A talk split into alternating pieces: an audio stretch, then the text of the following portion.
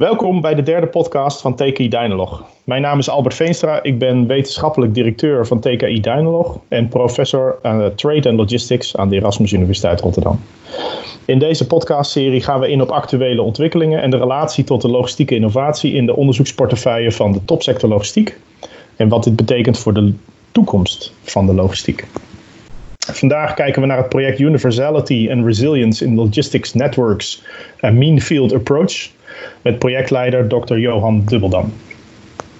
De logistieke transportwereld uh, wordt gekenmerkt door allerlei omvangrijke en complexe netwerken, waarin ook steeds meer autonoom gedrag wordt geïntroduceerd.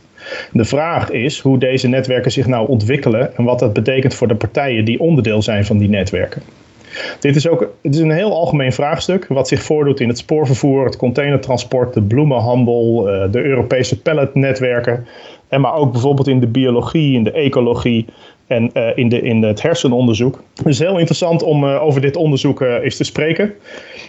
In, en dat is dus gebeurd in het project Universality and Resilience in Logistics Networks. Um, welkom Johan. Dankjewel. ik, ik wil dus beginnen met ehm, de term universality. Hè, dat is het allereerste woord van de titel. Uh, kun, kun, je eens uitleggen wat jullie bedoelen met universality en wat dat betekent voor de, de manier waarop jullie kijken naar netwerken? Ja, uh, universality uh, slaat, slaat erop dat de, de, netwerkstructuren die wij bekijken, dat die eigenlijk terugkomen, zoals je al zei, in allerlei systemen. Dus in zowel biologische systemen, eh, hersennetwerken en eh, ook in de logistiek eh, of in bepaalde, hoe heet het, supply chains.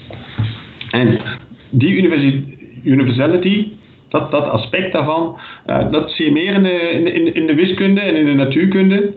En dat heeft te maken bijvoorbeeld met bepaalde overgangen uh, dat noemen ze ook wel faseovergangen in de natuurkunde. Dus als een bepaalde parameter wordt veranderd, dan verandert het gedrag. Hè? Dus bijvoorbeeld, uh, je hebt een, een, uh, een, een, vloeistof en je verandert de temperatuur en dan is er plotseling een faseovergang en krijg je een gas.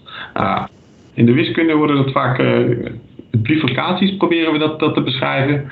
En ja, dat is universeel gedrag. Dan zie je steeds het, het, hetzelfde terugkomen. Ja, dat, dat gaat terug op allerlei hele diepe wiskundige uh, uh, eigenschappen eigenlijk, moet je misschien wel zeggen. Ja. Dat die, in, die jullie uh, on, in netwerken onderkennen, in feite. Ja, precies. Ja. ja. Um, nou ja, dat is wel interessant om, om, maar jullie zien dus toepassingen van deze manier van kijken in, in specifiek in de wereld van transport en logistiek. Ja, ja. Dus misschien is dat handig om een soort voorbeeldje te geven. Dus ja, als je in de natuur kijkt, hè, dus kun je een heel simpel model hebben, zogenaamde mutualistische netwerken. En dan heb je twee lagen en dan heb je bijvoorbeeld één laag waarin uh, planten zitten, allerlei, allerlei, verschillende planten. En die moeten worden uh, bestoven door, door uh, bijen, zeg maar, of vlinders. En er is dus een interactie tussen twee verschillende lagen. En hier zien wij ook zoiets. Dus in, in de transportsector zeg je, oké, okay, je hebt verschillende bedrijven of klanten, die zitten in één laag. Mhm. En een andere laag zien we van de transportlaag, dus de, de, de, bijvoorbeeld uh, treinen, maar ook uh, heel veel uh, trucks, vrachtauto's, die producten vervoeren van, de een, van het ene bedrijf of naar het andere bedrijf. Ja. En in die zin kun je dus ook zeggen dat de rol van de bijen wordt een soort van overgenomen nu door, door, door, de vrachtauto's. Uh, ja. het is natuurlijk een beetje een vergezochte vergelijking, maar uh, wiskundig gezien is, is dit wel. Uh, nou ja, dat biedt wel een interessant perspectief op de zaak. Hè? Want de vraag is of die bijen zich nou, wat voor bewustzijn die hebben dat zij onderdeel van een systeem zijn. Of van, van een hè, voor zo'n netwerklaag. En op dezelfde manier kan je dat je afvragen van de individuele spelers in de transport- en logistiekwereld. Ja. Toch? Dat, want universality gaat over het netwerk als geheel, hè? Ja. En, uh, en je kijkt naar een soort, uh, hoe zou ik het zeggen, naar een soort gemiddelde van het gedrag van al die partijen die het netwerk een bepaalde kant op bewegen. Ehm, maar, maar het interessante, nou ja, het interessante, het, het, de vraagstelling is natuurlijk van zo'n individu in zo'n netwerk. Mhm. in hoeverre is die zich ervan bewust dat zijn gedrag zoveel keer uitvergroot ook echt het netwerk beïnvloedt? Ja, het, het, het, het, idee wat, wat, wat steeds is van één enkel individu maakt niet zoveel uit. Maar een, een, eh, inderdaad, een klein groepje daar hè, van individuen, uh, die kunnen best wel het, het, systeem op een bepaalde manier verstoren.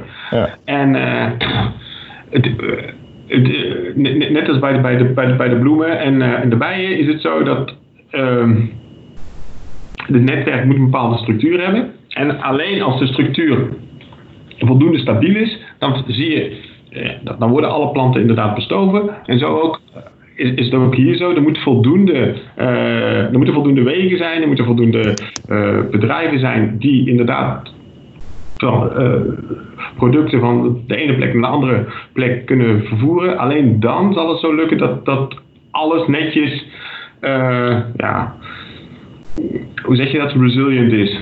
Ja, ja dat, precies. Dat, dat is wel denk ik een mooi bruggetje naar het, het tweede thema. Hè. Dat gaat heel erg over de manier waarop jullie naar netwerk kijken. En dat is dat je eigenlijk uit elkaar trekt wat nou de structuur van het netwerk is. Hè, de, de, de onderliggende topologie, zoals jullie dat noemen.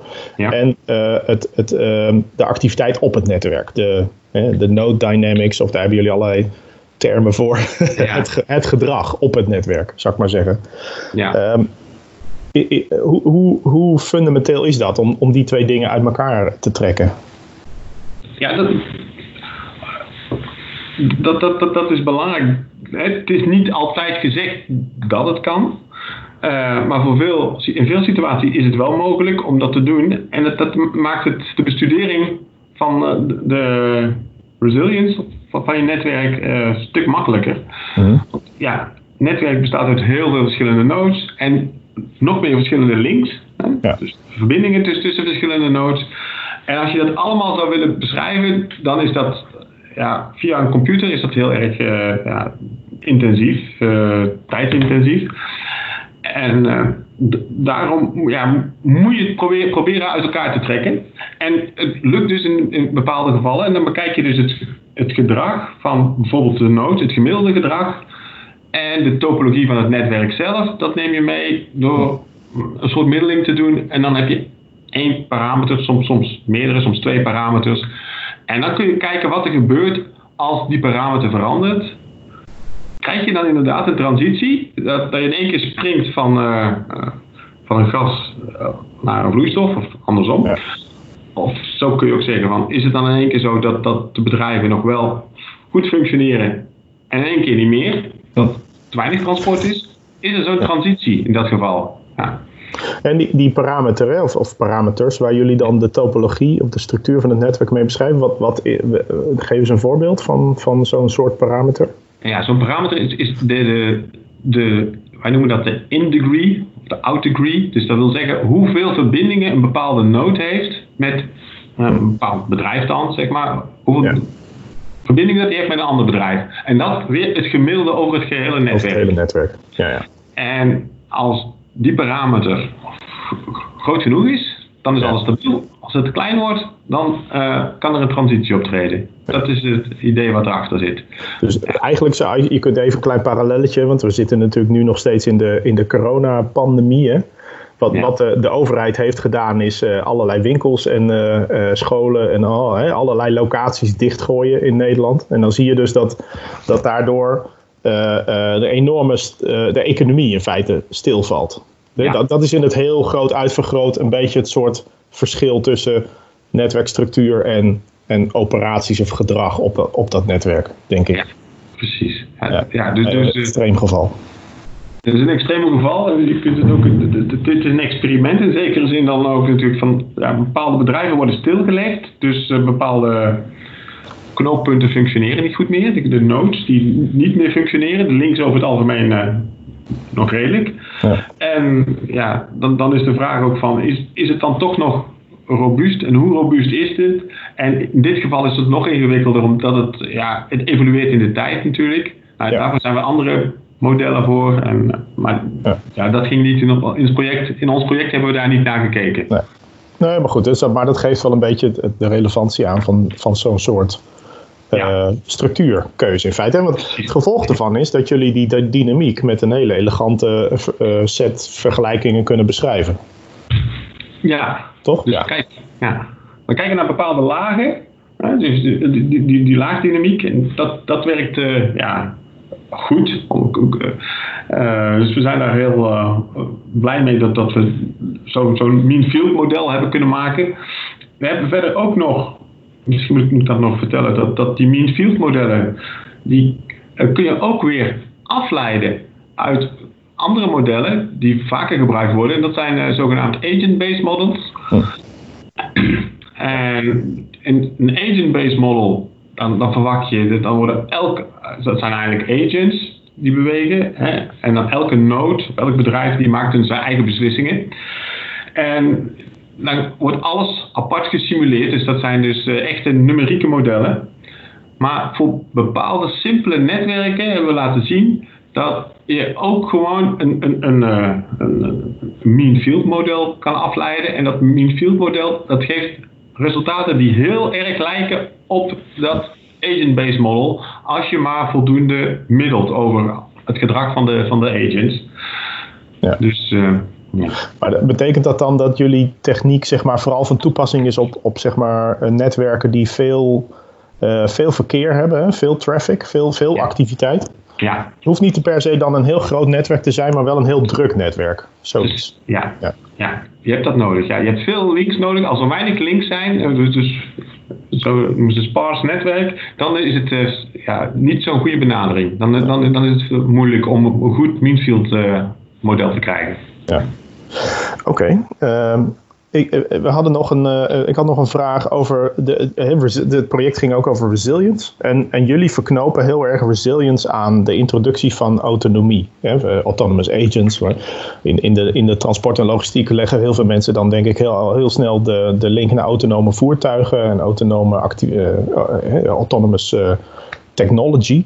Um, maar hoe, kun je eens uitleggen hoe die relatie in jullie idee in elkaar zit tussen de introductie van autonomie en, en resilience? Ja, dus uh, tijdens het uh, opschrijven van het voorstel hebben we daar flink over nagedacht. En bij ons was de gedachte van hoe meer autonomie dat er komt, ook hoe minder mogelijkheid er dus bestaat voor mensen om in te grijpen als iets misgaat. Dus het netwerk zelf, dat zou zo geconstrueerd moeten zijn dat als iets misgaat, dat er een, soort ja, zelfreinigend vermogen is, dat, dat, dat, dat automatisch toch uh, goed blijft functioneren. Maar ik vond dat wel een interessante gedachtegang, want je hoort vaak toch ook wel de redenering andersom. Hè? Dat de introductie van al die technologie, of ze nou autonoom zijn of niet, netwerken juist heel rigide maakt. Juist niet robuust, zeg maar. Ja, robuust, maar op de verkeerde manier. Het kan, het kan dan vaak nog maar op één snelheid en met, op één manier. En, um, en dat mensen juist de flexibiliteit bieden om netwerken robuust en, en resilient te maken. Dus, dus door de autonomie van, -hmm. van het netwerk, dus er is steeds minder mogelijkheden om in te grijpen voor mensen, uh, moet de netwerktopologie zo worden aangepast dat het toch nog voldoende resilient is, zodat het altijd blijft functioneren. We proberen dat zeg maar dus, dus de, de toenemende autonomie te compenseren door de topologie van het netwerk aan te passen. En zeggen, oké, als je netwerktopologie voldoende is, dan blijft het toch nog goed gaan. Dus maar uh, hebben, jullie ook na, hebben jullie uiteindelijk ook gekeken naar wat er dan in de netwerktopologie moet veranderen om dat te bereiken? Het, een aantal verbindingen moet voldoende groot zijn. Nou, we hebben dat Later, eh, in, in wat meer praktische voorbeelden hebben we dat bekeken. Toen hebben we gekeken naar bijvoorbeeld pakketten die moeten worden vervoerd van de ene plek naar de andere plek en op een bepaald netwerk. En er zijn maar een aantal vrachtwagens steeds beschikbaar en er, zijn, een bepaalde laadtijd en er, is ook een reistijd. En hoe meer verkeer dat er op de weg is, dan neemt ook de reistijd toe is een behoorlijk ingewikkeld uh, model. Ja, wat je, dus moet, moet, wat je dan dus moet doen, is je moet dus gaan kijken van, uh, je kunt niet meer dezelfde wegen nemen als die, die je normaal altijd neemt. Want ja, er is een probleem. Sommige wegen die raken verstopt doordat er daar heel veel verkeer is. En dan moet je dus andere wegen gaan nemen. In die zin kijken we dus ook naar de topologie die dan verandert. Je moet andere routes kiezen om toch te zorgen dat de producten bij de consument terechtkomen. Maar ik kan me voorstellen dat dat betekent dat je je topologie van, van zeg maar connectedness-achtige indicatoren moet uitbreiden met meer gesofisticeerde uh, indicatoren daarvoor of zo. Ja, precies. met cycles of uh, uh, het aantal indirecte verbindingen moet, moet gaan meetellen of zoiets dergelijks. Ja. en je kunt dus ook uh, ja, reistijd of zo kun je, kun je, kun je meetellen. En je, je, kunt ook allerlei andere aspecten. Er waren ook nog mensen betrokken hierbij uh, van uh, eh, TBM. En die zeiden, ja, het is ook belangrijk dat je bijvoorbeeld in aanmerking neemt dat sommige producten, die moeten echt heel snel ter plekke zijn. En andere maakt het niet zoveel uit dat ze een, een dagje later zijn. En dat op, op laatst, hoe meer detail dat je gaat meenemen natuurlijk, hoe, hoe, hoe veel eisender het is. Ja. Maar ja, dit, dit, eh, dit, is, leidt natuurlijk wel tot vrij praktische inzichten. Dat gaat eigenlijk over dat je zegt van ja, als je nou robuuster wilt worden en je wilt niet te veel uh, een netwerk hebben waar je continu als mens moet ingrijpen in de processen, dan moet je netwerken maken die een hele rijke onderliggende netwerkstructuur hebben. Ja, uh, met veel alternatieve mogelijkheden om op bepaalde punten te komen. Uh, veel, ja, zeg maar, meerdere partijen waar je een beroep op kunt doen. meerdere routes die je kunt volgen. dat soort ja. ideeën. Ja.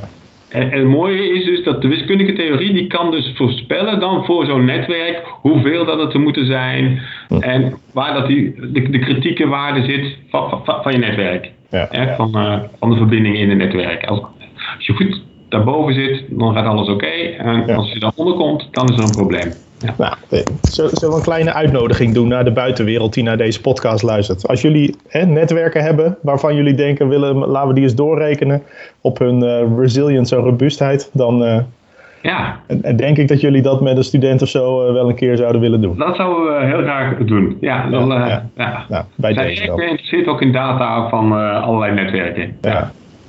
Eh, eh, we gaan naar een afronding toe. Uh, uiteindelijk ehm, hebben jullie natuurlijk vooral de wiskundige technieken zeg maar, uitgewerkt in dit, in dit project. Hè? Ja. Maar jullie hebben toch ook nog wel wat toegepast werk gedaan, heb ik begrepen. Ja. Dus Kun je daar nog even iets over vertellen? Ja, dus de, de, de, toepassingen die, die komen vooral van een student die bij Almende heeft gewerkt. dus de stage heeft gedaan en daar nu ook uh, een, een, baan heeft. En dat gaat vooral over uh, het zogenaamde deal-platform wat ze daar hebben. En daar is uh, dus de bedoeling van dat verdeelt hoe dat pakketten worden bezorgd. Pakketten vanuit één plek naar een andere plek. Dus een origin-destination probleem. Ja. En uh, ja, hij heeft dus de theorie die, die wij hebben ontwikkeld, de mean field theorie, die heeft hij dus toegepast. En hij is uitgegaan van uh, zo, die agent-based models. Zo, en hij heeft daar dus, die al, ook al wel bekend waren, die agent-based models, daar heeft hij mean field op toegepast. Die heeft hij laten uitrekenen en heeft hij uh, clusters bij Amazon ook, ook voor gebruikt. Ja, het was nogal veel dus, werk. Ja. Het was, was veel werk. En dat, is uh, ja, uiteindelijk uh, netjes uitgerekend. En de resultaten die vergelijken heel erg goed. Die lijken heel erg op wat, wat je dan krijgt met de Asian-based models. Dus uh, het is eigenlijk een nieuwe... Met, je kunt laten zien dat de modellen die we hebben, de, de mean field modellen, dat je die ook echt kan afleiden uit praktische situaties. En daar kun je dus de analyse weer op toepassen die ik uh, al, al, eerder noemde van oké, hier ligt dan die netwerktopologie onder. En nu kunnen we kijken of dat het nog stabiel is of niet stabiel. Ja. En dan kun je dus allerlei dingen meenemen van als reistijden en uh, congestie en, en, hoeveel, uh, de, hoeveel vervoer dat er beschikbaar is en, en, en dat soort dingen. Ja. Ja, het is interessant denk ik om uiteindelijk toch ook nog wel te laten zien hè, dat het, het, het nieuwste wiskundige werk wat jullie hebben gedaan ook echt vruchten afwerpt. Ja, alles zit dan hard werken en hard rekenen. Ja. Toch ook in, in echte praktische toepassingen. Dus veel, veel tijd gaat uh, om, uh, hebben we besteed aan het begrijpen van, van, van de processen die daar aan de grondslag liggen. Maar uiteindelijk willen we dan ook met data steeds om, om toch proberen om dit echt toe te passen in een ja, werkelijk logistisch netwerk. Ja. Dan te laten zien dat oké, dit, dit gaat de goede kant uit. En zo zou je dat ook in de tijd kunnen bekijken. Zeg je oké, de, de, de, netwerken zijn veranderd in de tijd. We nemen niet zelf de verandering in de tijd mee, maar je kunt wel verschillende netwerken bekijken, dat die uh, op bepaalde tijdstippen eruit zien. En dan kun je zeggen van, nou oké, het gaat de goede kant uit. Het is uh, het, netwerk is uh, resilient voor allerlei verstoringen. hartelijk dank. Johan.